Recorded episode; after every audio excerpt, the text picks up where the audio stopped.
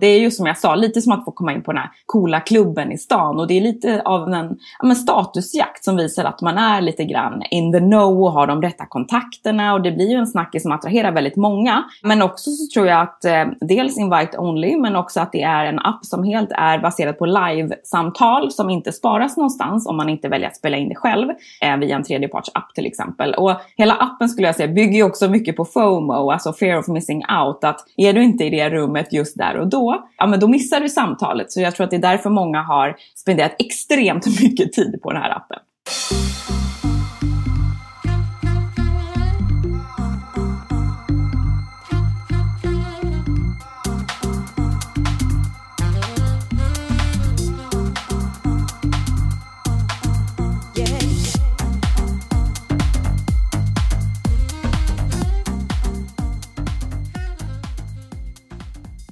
Välkommen tillbaka till Digital marknadsföring med Tony Hammarlund. Det här är en podd där jag intervjuar branschexperter och marknadsförare för att lära mig mer om digital marknadsföring. Mitt mål med podden är att bli en bättre marknadsförare och samtidigt dela med mig av intressanta samtal med några av Sveriges bästa marknadsförare.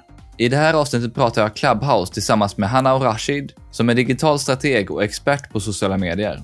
Det ljudbaserade sociala nätverket har växt otroligt snabbt från starten i april 2020 har Clubhouse gått från 1500 användare i maj till 2 miljoner i januari 2021 och hela 10 miljoner i februari.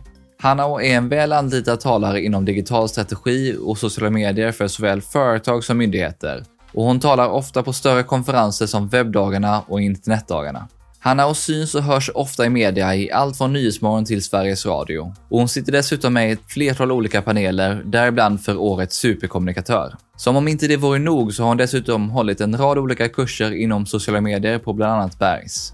Vi börjar avsnittet med att Hanna förklarar vad Clubhouse är, hur det fungerar och hur det kommer sig att det sociala nätverket har fått så stark tillväxt. Hon ger även sin syn på huruvida Clubhouse kommer bli nästa stora nätverk och hur det kommer påverka poddmarknaden. Hanna går även igenom hur man skapar olika typer av rum och delar sina bästa tips för hur man skapar ett framgångsrikt sådant. Vi pratar även om varför moderatorer har blivit så viktiga i nätverket och hur man blir en bra sådan. Du får dessutom höra hur man bygger ett starkt nätverk på Clubhouse, exempel på personer som är duktiga på plattformen och hur man får riktigt många att delta i sina rum. Du hittar som vanligt länkar till de resurser och personer vi nämner i poddläget på tonyhammarlund.io, så du behöver inte anteckna. Efter länkarna i poddenläget så hittar du även tidstämplar till olika sektioner i intervjun. Innan vi kör igång så vill jag även passa på att presentera Queenslab som är med och sponsrar podden. Queenslab är en snabbväxande konsultbyrå som hjälper företag med utveckling, UX och design och numera även med digital marknadsföring med mig i spetsen. Så kolla gärna in oss på queenslab.se och hör av dig om du vill snacka mer. Och följ oss gärna på LinkedIn. Nu kör vi igång avsnittet. Hanna börjar med att beskriva vad Clubhouse är och vad hennes första intryck var av nätverket. Ja, men det är ju en interaktiv och helt ljudbaserad gratisapp där man kommunicerar med andra människor eh, eller lyssnar på andra samtal i så kallade rum. Och ett rum det kan ju bestå av två personer, ett gäng kompisar eller tusentals andra människor som du inte vet vilka de är egentligen. Och hur många som pratar, det får moderatorerna bestämma.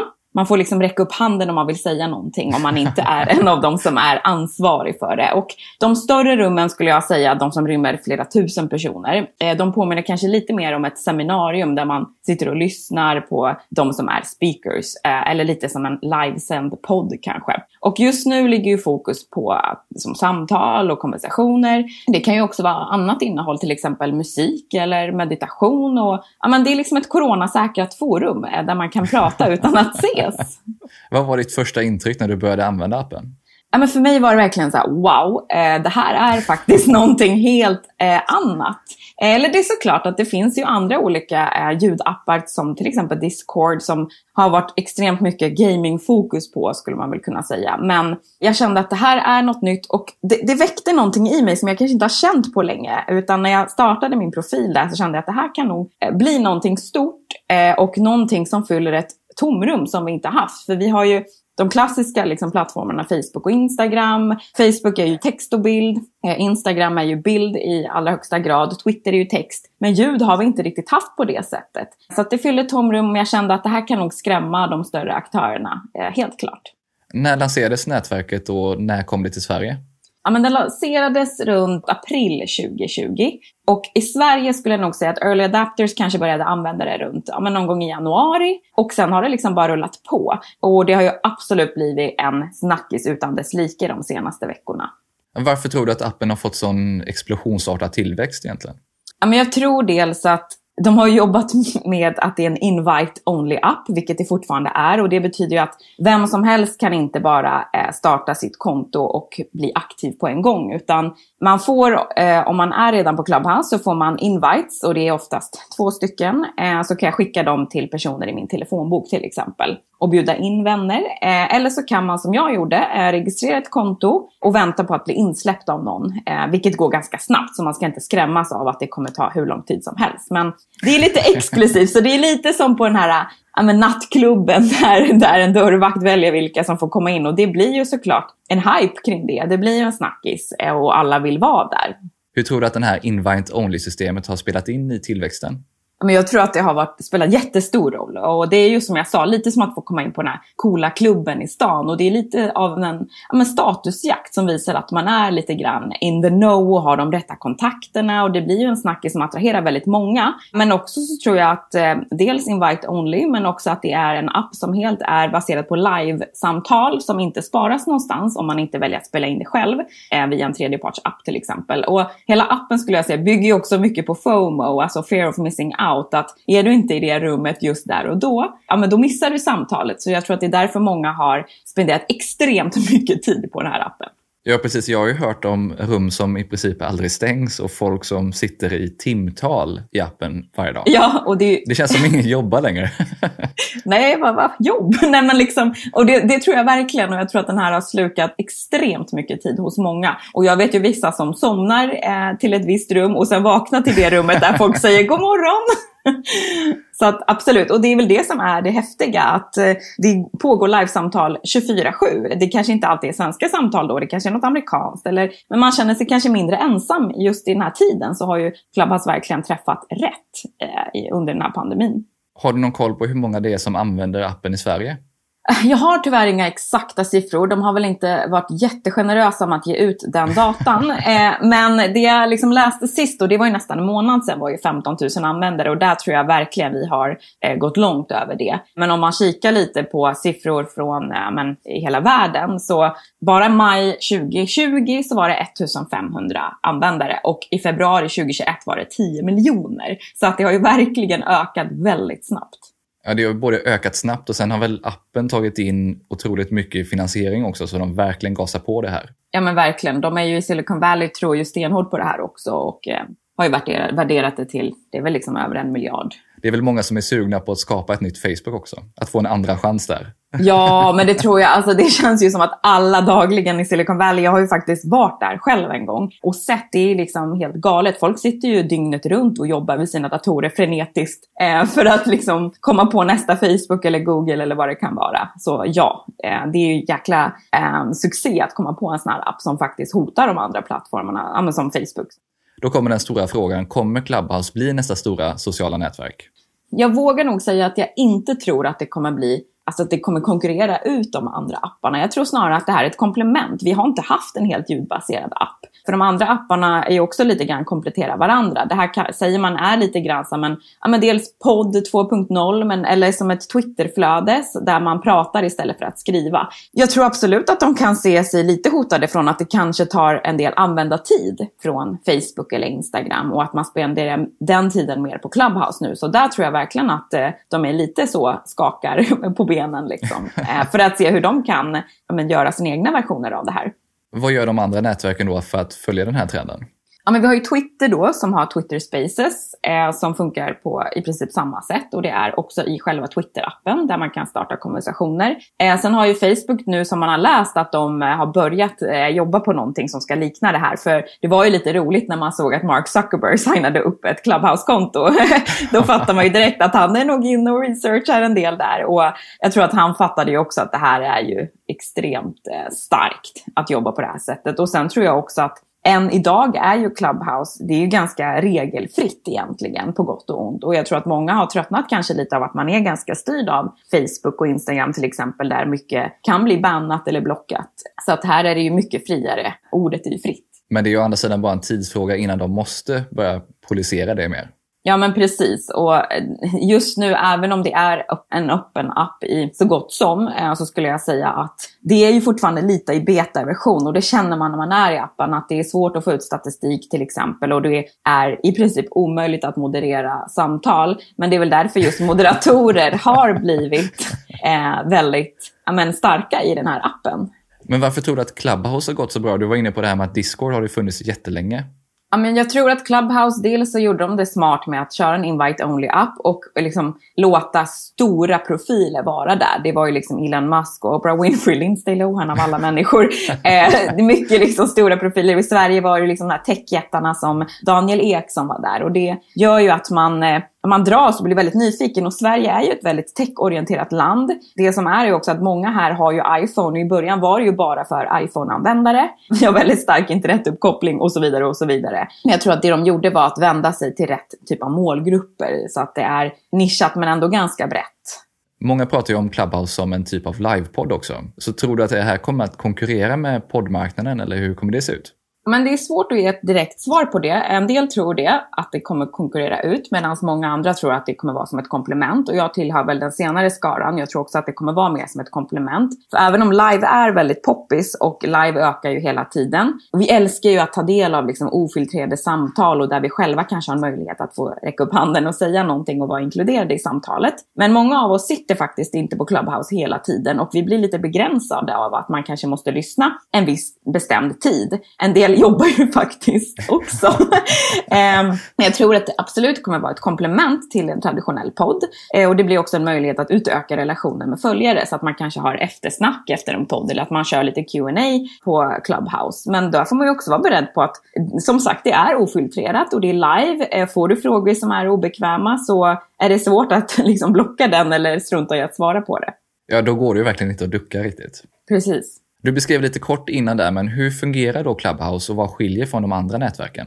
Ja, men det som skiljer är ju att det är faktiskt bara en ljudbaserad app du kan inte skriva till någon, du kan inte skicka DM, du kan inte skicka någon bild, utan det är din profilbild du har som är en bild och sen är det din bio, alltså din profil där du kan skriva allt du vill eh, om dig själv. Men det är egentligen bara där du har utrymme att skriva och ha en bild. Det är ju som sagt 100% ljud. Det skiljer ju väldigt mycket från de andra apparna där vi alltid har delat mycket bilder. Och det här kan ju vara ganska skönt för de som faktiskt inte är bekväma med att synas men är otroligt bra på att eh, liksom, prata och det märker man ju på Clubhouse, de som presterar väldigt bra är ju de som är lite snabba i tugget kan man säga. De som verkligen är proffs på att sköta samtal och dialog och är liksom intressanta att lyssna på. Och sen är det uppbyggt på ett sätt som kanske liknar såklart lite andra eh, sociala medieappar. De beskriver ju det som att det är en hallway, alltså det är en hall och den kan man väl likna med traditionella flödet egentligen. Och sen har vi rum och klubbar. Eh, och innan vi går in på vad de här är för någonting så alla konversationer vi ser och hör eh, direkt när vi går in i flödet i hallway är ju i rum. De är superenkla att starta. Det kan egentligen vem som helst starta. Och då finns det tre olika typer av rum. Så det är öppna rum, sociala rum och stängda rum. Och de öppna rummen det är egentligen att jag startar ett rum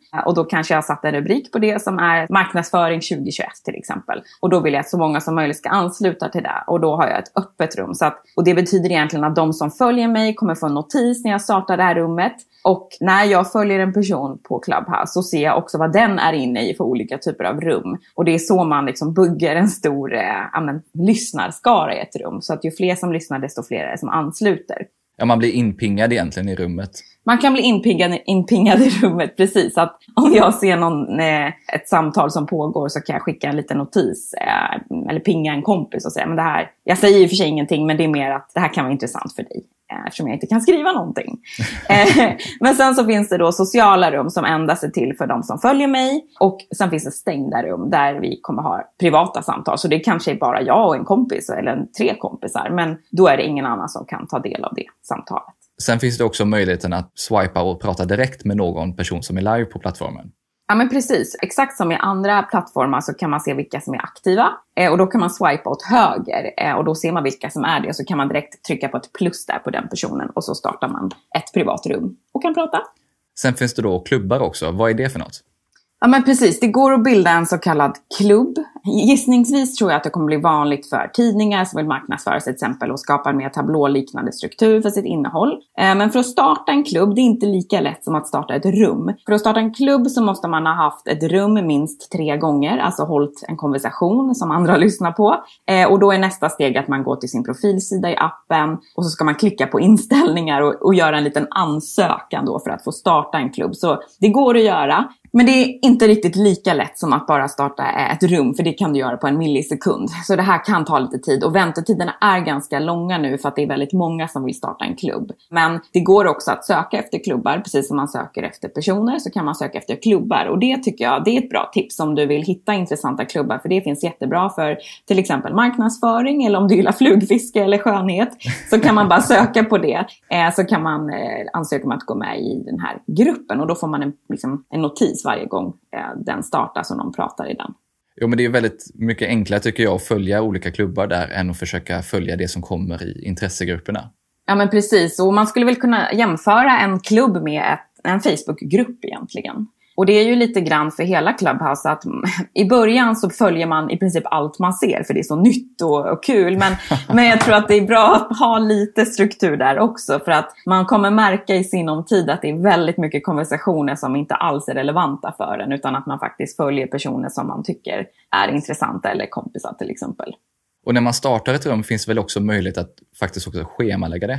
Ja, precis. Eh, och jag har ju faktiskt hostat ett rum, för jag var tvungen att testa det. Eh, och det jag gjorde då var att eh, jag schemalade det.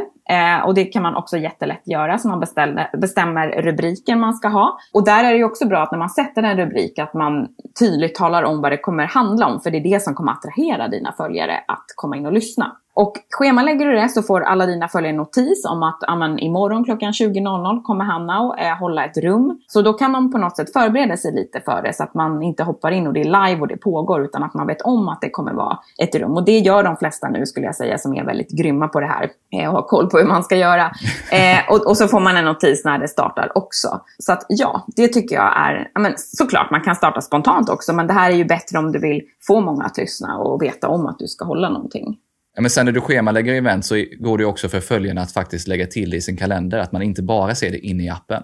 Ja men precis. Eh, så då, då, det har de gjort en ganska bra integrering på, att man kan lägga in det i sin kalender. Och det är bra att du säger det, för någonting som jag glömde nämna är att Vanligtvis när vi laddar ner appar så har de alltid en koppling till Facebook. Eh, men på Clubhouse när du startar den här appen och ska lägga till kontakter så går den endast efter de telefonnummer du har i din mobil. Så alltså dina telefonkontakter. Och då kan du lägga till dem. Eh, så det är inte de du är Facebook-vän med till exempel. Ja, men det är också en sån funktion som jag märkte när jag anslöt mig till appen. För jag har ju väldigt få kontakter i min telefonbok. Jag har ju mestadels av kontakterna på LinkedIn eller på Facebook eller på mejlen och så vidare, men inte i telefonboken. Nej men jag håller med. Jag tycker också det blir konstigt. Det är någon man träffade liksom för sju år sedan eller 15 år sedan. Och så råkar man lägga till den på sin Clubhouse. Och, men man märker att alla är lite så här ute och famlar eller navigerar just nu. För jag har också fått vissa som börjar följa mig som jag känner lite så här, oj, det här var någon som jag kollade på en, en som hyresrätt som jag skulle hyra i andra hand liksom för 15 år sedan. Han börjar följa mig nu ja, det kommer väl också behöva förbättras skulle jag tippa på. För det kanske inte är de kontakterna som är eh, de primära som man vill följa här till exempel. Nej, och sen är det väl också att de som har företagstelefon får ju vara lite försiktiga med den här funktionen också. Ja men precis. Alltså, det är ju en väldigt viktig poäng för att där måste man ju också tänka på att kanske lägga till manuellt och inte direkt när man laddar ner appen att man låter den följa alla i telefonboken. Eh, för då kan det bli lite stelt. Eh, och sen ska man ju tänka på också att när du går in i ett rum, för att även om du bara lyssnar så ser ju andra vad du är inne i för rum. Eh, och där kan jag själv känna lite att det kan, ja, att det kan vara lite, ja, jag vill inte att alla ska se att jag är inne och lyssnar på det här till exempel. Men man ska ha lite kanske kött på benen när man går in. Eh, men ändå testa, för det är ju superhäftigt och kul. När man väl är inne i ett rum då, hur fungerar själva diskussionen? Ja, men när du befinner dig i ett av rummen eh, så kommer du ständigt såklart hitta nya intressanta personer att följa. Och när du äntrar ett rum, då kan du lyssna på olika talare och du ser vem som är talare i rummet genom att bilden är markerad på den personen. Och det är endast talaren då som hörs i rummet, men det finns också en funktion för deltagare att ställa frågor. Och då kan man klicka på en handsymbol som jag var inne på tidigare, så kan en moderator godkänna din förfrågan. Och så kan du ställa frågan till talaren. Eh, och ibland väljer den som är moderator att stänga av funktionen så att den inte är synlig. Och jag skulle säga att så som det är uppbyggt direkt när du ser ett rum så skulle man kunna säga att det är tre sektioner. Så det är dels den här scenen. Där har vi den som har startat rummet. Men säg att jag startar rummet och är den som talar men kanske känner att jag vill ha en moderator också för att jag vill fokusera på att hålla samtalet levande. Så det många gör är att de tar in en moderator som får liksom se till att svara på dem som räcker upp handen och kanske vara den som väljer att tysta personen sen när det kanske på ett snällt sätt säga tack, tack så mycket liksom. Ehm, så det är de vi ser i toppen där. Och sen speakers, det kan vara de personerna som har räckt upp handen eh, och får prata. Och sen så ser vi också i liksom steg två i den här rutan så är det människor som är i rummet och följs av de som talar. Så ser vi bild på dem och längst ner så ser vi övriga lyssnare skulle vi kunna kalla dem som bara är där för att njuta av samtalet. Ja, men det blir ju verkligen så att moderatorer och de som kan vara med och vara co-host blir ju väldigt viktiga i den här typen av diskussioner egentligen. Just. För det är ju väldigt svårt att både hålla, som du säger, diskussionen igång, men samtidigt hålla koll på vem som räcker upp handen och släppa upp dem på scenen. Ja men absolut jag tror att man började inse ganska snabbt i Clubhouse att man behöver eh, moderatorer. eh, och man kan ju vara en, men är det riktigt stora rum så är det vissa som har två moderatorer. Och hur man hittar moderatorer det är egentligen genom att vara ganska bra på att nätverka på Clubhouse om man inte väljer att ta in en kompis till exempel. Och det finns ju de som redan har profilerat sig som Clubhouse-moderatorer när man går in på profilen, vilket är så himla roligt. Det är snabbt jobbat. Verkligen. Det finns en tjej som heter Sherry vet jag, som är en svensk tjej som eh, är inne och modererar många olika eh, samtal. Och, och, det är ett ganska liksom, tufft jobb faktiskt och det krävs någon som är ganska bra på det. Sen är väl också en annan anledning att ha flera moderatorer är ju att om man skulle bli utkastad av någon anledning med tekniska problem eller om man är tvungen att ta ett samtal eller vad som helst, då stängs ju rummet ner annars. Ja, men precis. Och det vill ju inte ska hända bara för att du har dålig internetuppkoppling till exempel. Eller ditt barn börjar skrika eller vad som helst. Så då är det ju väldigt tacksamt att ha moderatorer där som kan fortsätta konversationen. Och jag har faktiskt lite tips på hur man är en bra moderator som vi kan gå igenom sen också. Det får vi absolut göra. Du var inne på att det redan är en del som är blivit riktigt duktiga på att vara till exempel moderatorer. Men vilka tycker du har varit riktigt duktiga på plattformen så här långt och vilken typ av rum eller event skapar de? Jag tycker till exempel David Orlik är väldigt bra. Eh, jag har ju andra som jag kan tipsa om också, men om vi kollar på honom så David Orlik jobbar ju med liksom marknadsföring och PR i Sverige och har också en ganska stor podd inom det här. Men han jobbar mycket med Clubhouse eh, där han har varit ganska tidig där och har nästan 3000 följare. Och där har han varje fredag tror jag det är, eh, så att man vet, då är det liksom ett tema. Så att då vet man att klockan tre så ska jag lyssna på det här och det är väldigt, det är väldigt tydligt att han har ett tema varje gång med en ny gäst som gäst gäster och det är väldigt intressanta personer. Eh, men sen har vi också Love Bonnier som också har ganska roligt inaktuella händelser tror jag hans rum heter som de pratar om liksom, inaktuella trender och så vidare. Och sen har vi Babba Rivera som, eh, nu, som ju är i New York som också har väldigt intressanta trendspaningar och samtal. Daniel Ek såklart superintressant. En tjej som heter Amelia Stapelfelt eh, som också har blivit väldigt stor på Clubhouse genom att vara väldigt, väldigt aktiv.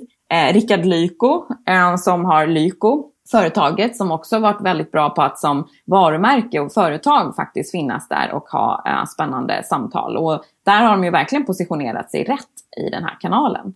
Ja, vad finns det för exempel på företag som Lyko här som har börjat använda plattformen? Ja, men jag ska inte prata alldeles för mycket om Lyko, men jag vill ändå nämna dem för de var ganska tidiga på det här och de har kört bland annat rum som heter Framtidens shopping. Och det är ju väldigt intressant och smart av dem. Det sätter dem på en väldigt bra plats i den här kanalen men också väldigt starkt för varumärket. För här kan du dels nätverka med andra företagsledare men också såklart ha dialog med kunder eh, och boosta din närvaro i en kanal som är helt ny där faktiskt interaktionen är väldigt hög och engagemanget också. Vad jag ser som fler möjligheter är att man dels kan jobba med fokusgrupper här, man kan få feedback live på gott och ont, eh, jobba med sin varumärkeskännedom, men också ha såklart dialog med kunder och hitta personer som du kanske annars inte hade pratat med det har ju redan börjat med sponsrade rum. Till exempel i USA så finns det ett företag som heter Bite Toothpaste. De sponsrade ett rum där ägarna delade deras framgångssaga och affärsidé. Kommer det här leda till att fler företag börjat se över om man ska ha ambassadörer eller experter som kan vara med i diskussioner? Ja men absolut. Allt handlar ju såklart fortfarande om vad du vill uppnå, vad din målgrupp är. Men jag skulle säga att community connection kanske är det absolut största värdet nu. Och vad det betyder är ju egentligen det som vi har pratat ganska länge om. Hur viktigt det är att ha en dialog med sina följare till exempel på de här kanalerna. Och att hela tiden fortsätta ha en dialog och inte bara posta en bild till exempel och tro att där är jag klar. Utan du måste hela tiden vara där och svara på frågor eller vara engagerad. Och här kan du göra det på nästa nivå verkligen. Och som sagt, fortfarande är ju Clubhouse, det är ju så pass nytt att engagemanget är extremt högt. Och sätter du en rubrik och ett ämne som många är intresserade av så kommer det bli en riktig varumärkesvinst troligtvis och boost för synligheten. Så jag tror absolut på att eh, många företag kommer börja sätta olika teman och kanske inte bara prata om sitt eget företag utan men, om vi jämför med Facebookgrupper igen som ICA som har till exempel alla vi som älskar kladdkaka så att det är någonting som är kopplat till din, äh, ditt varumärke men kanske inte är direkt sälj men såklart det blir ju det indirekt. Nej, men det blir väldigt kul att se hur det här utvecklar sig och hur kommersiellt det blir. Ja men verkligen. Jag tycker också det är superintressant att följa det. För att jag tror också som företag, det är alltid tacksamt att eh, haka på när det är ganska nytt för då har man också störst möjlighet till att liksom, få en riktigt stark kanal och kanske en stor följarbas om det är det man vill ha. Eh, och sen så vill jag ju påminna om att något jag säger eh, gällande alla kanaler egentligen, att inte stirra sig blind på hur många följare du har utan snarare liksom, ja, med kvalitet framför kvantitet på dina lyssnare och att, att du får ut den informationen du vill ha eller får den feedbacken från relevanta personer. Sen tror jag också att det är ju, när det är så här tidigt så är ju alla ute och testar. Och då är det lite mer förlåtande stämning kanske när man som företag eller expert går in och har något rum eller går in i diskussioner. Ja, men 100 procent. Så det är ju väldigt tacksamt på något sätt. Som jag sa, alla navigerar just nu. Jag tror många av oss kan göra fel. Och, eh, men, men det är ändå väldigt eh, tacksamt att komma in som företag. Och, eh, för man syns ju på ett helt annat sätt på Clubhouse eftersom det är inte så mycket företag där. Eh, lite som när Instagram kom och lanserade Instagram stories och alla de här nya funktionerna. Är man, är man ganska snabb på det så blir man ju mer ursäktad men också ganska snabb på bollen till att få många som blir intresserade. Vad tycker du då, borde jag som poddare börja jobba mer med Clubhouse? Absolut, alltså som ett komplement till podden. Jag tycker precis som jag var inne på att personligen så tycker jag om att ha någonting som jag kan gå tillbaka till eller vet när det kommer. Men Eh, Eh, det jag tror många ser det som är att man kan ha lite eftersnack eller ha ja, men livesamtal. Ta in kanske en, en expert eh, som du har haft på podden och man får chans att ställa frågor till den personen i efterhand. Eller om det bara är du till exempel, du kanske tar upp ett nytt format i den här som inte är helt som podden. Utan det, det som brukar gå hem det är ju när man sätter liksom 10 minuter till exempel om någonting. Det finns en matinfluencer som har format som heter 15 minuter om och så kan det vara om ägg eller om pasta. eller, men det är väldigt, jag älskar det när man ser hur långt, ja men vi kör en kvart om det här och det är det enda jag behöver liksom avsätta tid för. Ja, men jag har ju lite tankar just att i podden så försöker jag prata med en person. Men på Clubhouse skulle jag kunna bjuda in fler experter för att prata om ett ämne. Ja men absolut. Och här har du ju liksom en hel uppsjö människor som du kan liksom eh, prata med och ja, men nå ut ännu mer kanske med ditt personliga varumärke. Eller, eller komma ut med podden ännu mer till personer som inte har upptäckt den. Det tycker jag är väldigt häftigt med den här kanalen. Att man har möjlighet fortfarande att nå personer som har kanske opinionsbildare eller journalister eller de som är stora profiler på andra kanaler. Att eh, få kontakt med dem och kanske promota sig själv eller bara få kommunicera med dem och ha dialog. Nej, men jag kommer försöka testa lite mer framöver. Jag var lite sen på bollen här på Clubhouse, men vi hade väldigt många stora projekt så att jag har suttit och bara väntat på att jag ska få lite mer tid att experimentera. ja, men allt är ju relativt. Vissa vet ju fortfarande inte vad det är för någonting, så att, eh, jag tror på dig. ja, men jag ska som sagt jag ska experimentera mer. Hur skapar man då ett lyckat rum? Vad har du för tips och råd? Ja, men, eh, jag har ju faktiskt fem punkter. Det finns ju många fler punkter, men jag håller mig till fem. Jag skulle säga att eh, ja, men, se till att addera ett tema för ditt rum så att alla vet vad syftet är. Och det är ju väldigt viktigt så att det blir väldigt tydligt och konkret. För nu är det många som tävlar om liksom, följare eller lyssnare. Och lite som att sätta en rubrik på YouTube till exempel. Här ska du också ha en rubrik som ganska snabbt säger um, vad du kommer prata om. Och sen får man också tänka som punkt två då, vill du ha ett väldigt nischat tema som till exempel vissa har, det är en grupp som har min favorit godnattsaga. Eh, då kanske det inte är jättemånga som är, eh, eller så är det det, men så kanske du har ett bredare som heter marknadsföring på Clubhouse. Båda kan ju bli väldigt lyckade men få olika slags genomslagskraft. Så tänk igenom, vill jag att det här ska bli ett sånt enormt rum eller vill jag att det ska vara ett mindre rum med mer kvalitet kanske? Och så punkt tre, ha minst en moderator. Och många hittar ju de här grymma moderatorerna just genom att nätverka på Clubhouse. Eh, eller om du vill bjuda in en kompis som du tror kan vara bra på det. Så att du kan fokusera på att liksom prata och faktiskt lyssna. Och sen punkt 4, var ganska tydlig med reglerna för, rummet och exakt vad som kommer diskuteras. Så att rummet hela tiden är relevant och stämmer överens med rubriken. För det är väldigt lätt att man svävar iväg och många som kommer upp och ska prata svävar iväg. Och då behöver du såklart ha också en duktig moderator som hela tiden tar den tillbaka till ämnet. Och punkt 5, var inte alldeles för säljdriven här. Utan Clubhouse är inte en app där du ska sälja dig själv eller pitcha in dig själv. Även om du såklart gör det indirekt. Men det handlar mer om att dela med sig av historier, upplevelser och expertis. Och att hjälpa andra att hitta nya personer. Och på så vis så boostar du automatiskt ditt eget varumärke. Ja, men det är superbra tips. Vad tycker du om längd på event eller rum?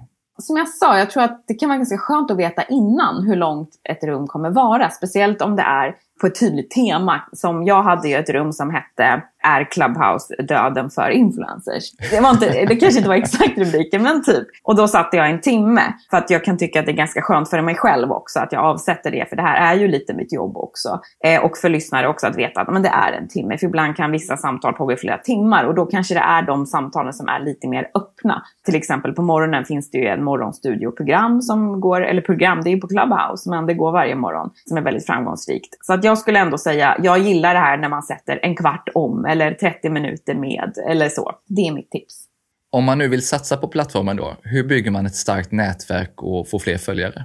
jag skulle nog säga att först och främst, som jag var inne på, eh, kom ihåg att det är eh, syftet med liksom, Clubhouse, det är ju att man ska nätverka och att rätt personer ska få informationen och att man är såklart relevant. Och stora rum är ju supercoolt, men små rum är mycket lättare att moderera och lättare att liksom, diskussioner som verkligen går in på djupet. Men det är klart att det är kul med många som lyssnar också och få en stark följarbas.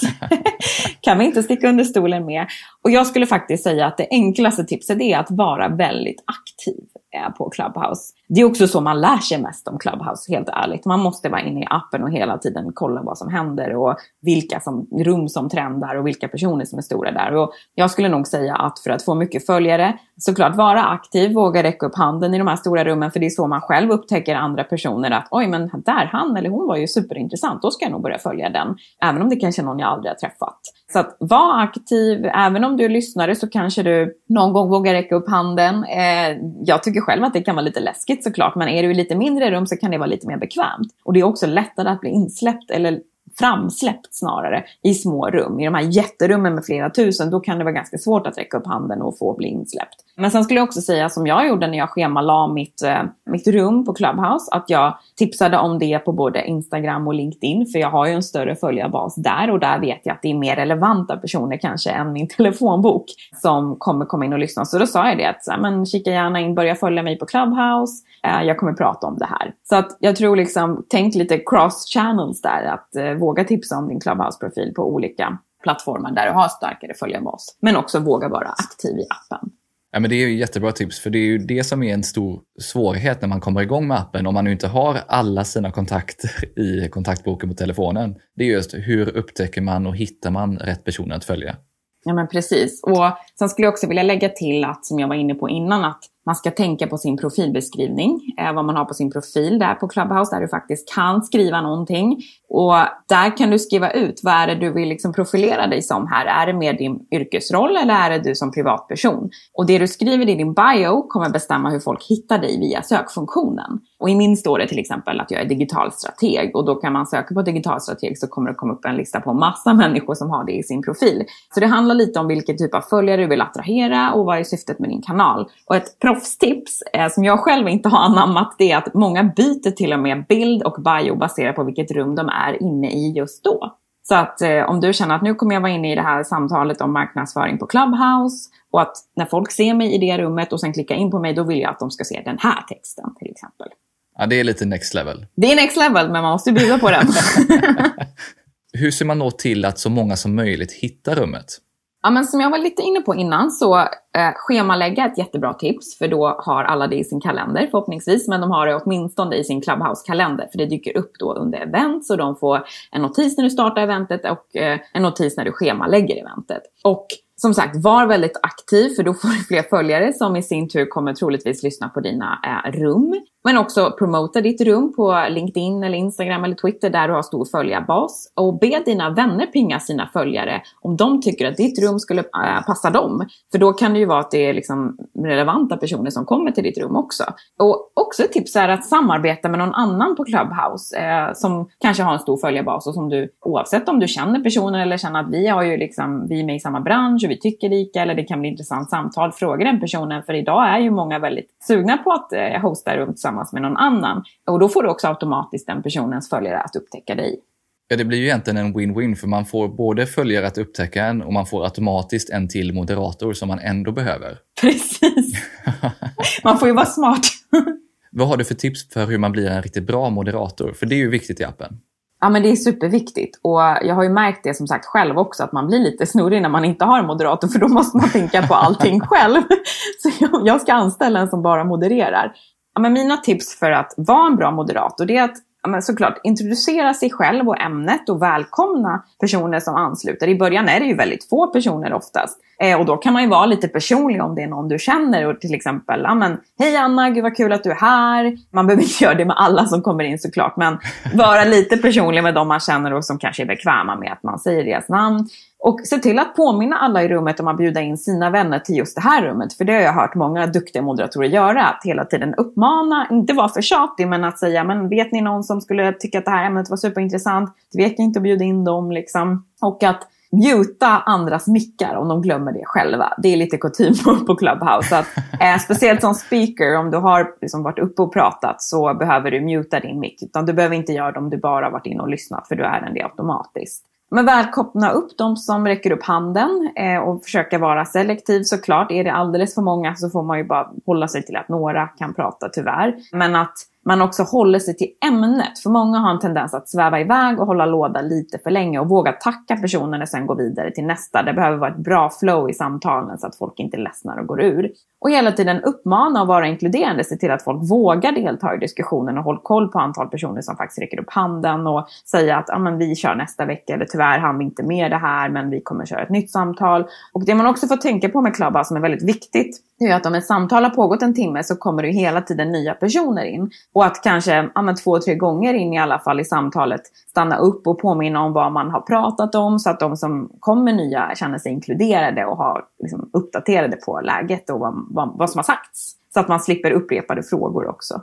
Ja, för många hoppar ju både in och ur rum hela tiden. Ja, det är ju lite Clubhouse Wars som jag ska kalla det.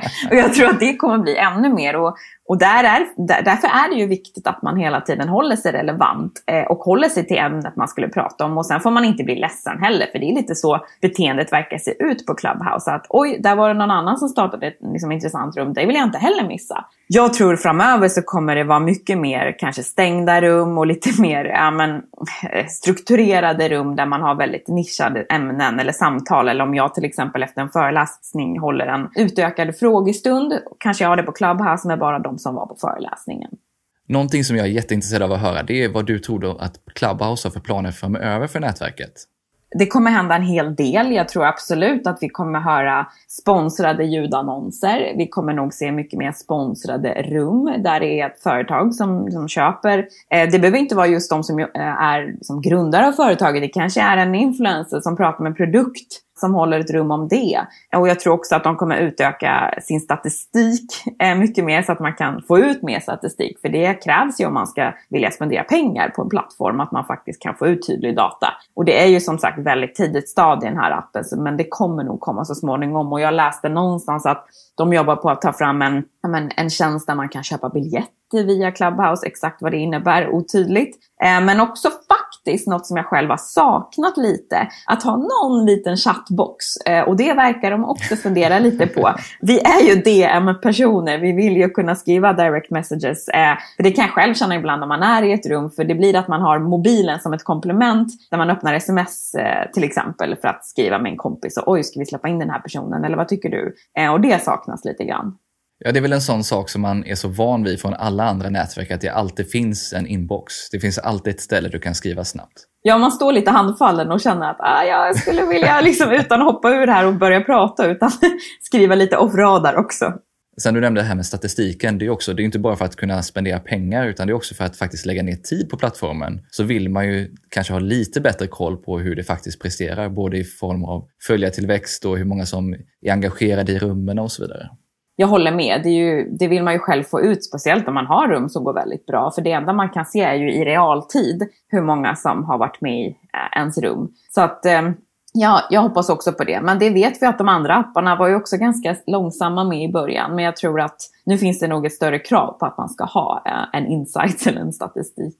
Ja, för när man driver ett rum så är det ju väldigt mycket man ska ha koll på så att man kanske inte riktigt hinner med att hålla koll på hur många som är inne i rummet samtidigt. Nej, men precis. Du var inne tidigare på vilka personer som har gjort det bra hittills och några bra exempel. Vem ska man följa om man är intresserad av marknadsföring till exempel? Men jag tycker som jag var inne på, jag tycker David Olik är väldigt bra på att hosta rum men också intressanta gäster. Eh, och också ha en väldigt bra bio som man kan inspireras av och se hur han har byggt upp den. Jag tycker Brita Stakston, som kanske är lite som en konkurrent till mig, men eh, som också pratar mycket om digital marknadsföring och är ganska stor följarbas där. Jag tycker Alexander Morad heter han. Man får ju söka på de här namnen då, men har också mycket intressanta samtal. Barakat Eh, Barakat G heter han där, som pratar mycket om mångfald och antirasism som också är superviktigt att ha med i liksom, inkludering när man jobbar med marknadsföring. Babba Rivera som jobbade mycket med Uber tidigare och nu driver andra företag. Också superinspirerande rum. Um, Amelia Stapelfeldt som har blivit väldigt stor på Clubhouse, eh, där man kan lyssna på hur hon liksom Eh, jobbar i sina rum för att man själv ska bli inspirerad också. Eh, Daniel Ek, det finns ju jättemånga stora techprofiler som alltid är bra att lyssna på och även följa grundaren, Rowan Seth bland annat, som eh, är väldigt bra på att uppdatera kring uppdateringar på Clubhouse. Så att bara för att hänga med och där är ju också super, liksom Elon Musk är ju alltid, han är ju väldigt stor och drar dit mycket som stora profiler. Även om det kanske inte är ren och skär marknadsföring så tycker jag ändå att det är en liten indikation ibland på vad marknadsföringen är på väg. Jag tycker man kan ja, men botanisera i appen. Du kommer se eh, snabbt vilka det är som är stora där och vilka som har intressanta rum. Och tänka på det att när du börjar följa vilka du faktiskt tror kommer, ja, men som du är inspirerad av i vardagen annars. Så har jag tänkt mycket. Och då är det inte bara såklart marknadsförare, det är mycket journalister och, som har många intressanta rum. Det finns, eh, om jag ska tipsa om olika klubbar, så finns Scandinavian Room eh, där de pratar mycket om trender och delar med sig av just trender från Skandinavien. CEOs, det är olika vd som delar med sig av branschtips, råd etc. Och sen finns det en som heter Social Media for Business, bara för att nämna några. Det finns ju hur många som helst. Men som sagt, gå in och sök eh, på vilket intresse du har så kommer du verkligen hitta mycket intressant där. Ja, men super. Jag slänger in länkar till de här sakerna vi har nämnt här i poddinlägget här efter så att man också kan hitta de här utan att söka om man inte hängde med riktigt. Ja, men det är bra. Hur hittar man dig på Clubhouse då? då söker man också på mitt namn, tror eller ej. Hanna och Rashid, som sagt, jag, jag ska ha fler eh, rum. Jag ska hosta fler. Eh, det var väldigt kul att göra det faktiskt. Det var, man, man kan förstå att det tar mycket tid när man väl håller på mycket själv också. Men där finns jag och eh, kommer nog uppdatera lite mer kring, kring trender och sociala medier. Det jag jobbar med, men bjuda lite, lite extra gratis där kanske. Då hoppas jag att så många som möjligt går in och hittar dig på Clubhouse-appen och man kan också hitta mig numera där och så har vi lite bra namn här. Ja, det är bara oss två de behöver följa. och om man inte följer dig på Clubhouse bara, var kan man hitta dig annars? Ja, men jag är mycket på Instagram, men jag skulle säga vill man följa mig för min profession, eh, då skulle jag nog säga LinkedIn. Hanna och Rashid såklart heter jag där också. Och där är jag ganska aktiv faktiskt och skriver en del eh, men, trender, nyheter, lite spaningar jag har någon gång i veckan. Så att, eh, lägg till mig på LinkedIn. Super. Stort tack för idag Hanna. Tusen tack, vilken ära att få vara med. Det var ett bra tag sedan det pratades så mycket om ett nytt socialt nätverk som det görs just nu om Clubhouse. Och det är verkligen häftigt med ett helt ljudbaserat nätverk. Jag hoppas att du också tycker att det här är intressant och att avsnittet gjorde dig ännu mer taggad på Clubhouse. Och jag hoppas självklart också att vi hörs framöver i några rum. Jag har som vanligt tagit mängder med anteckningar från intervjun, men det här är mina tre främsta insikter. 1. Att det helt ljudbaserade formatet tillför något som har saknats i vårt sociala medielandskap som domineras av bild, text och video. 2. Hur viktiga moderatorer blir när diskussioner sker live och utan tydlig struktur, där man måste styra både samtalet och rummet. Och 3. Hur viktigt det kommer vara att vara aktiv på plattformen om man vill växa sin följarskara och få fler i sina rum. Det här var mina insikter, men jag vill som vanligt gärna höra vad du tog med dig från avsnittet och vad du tyckte om det.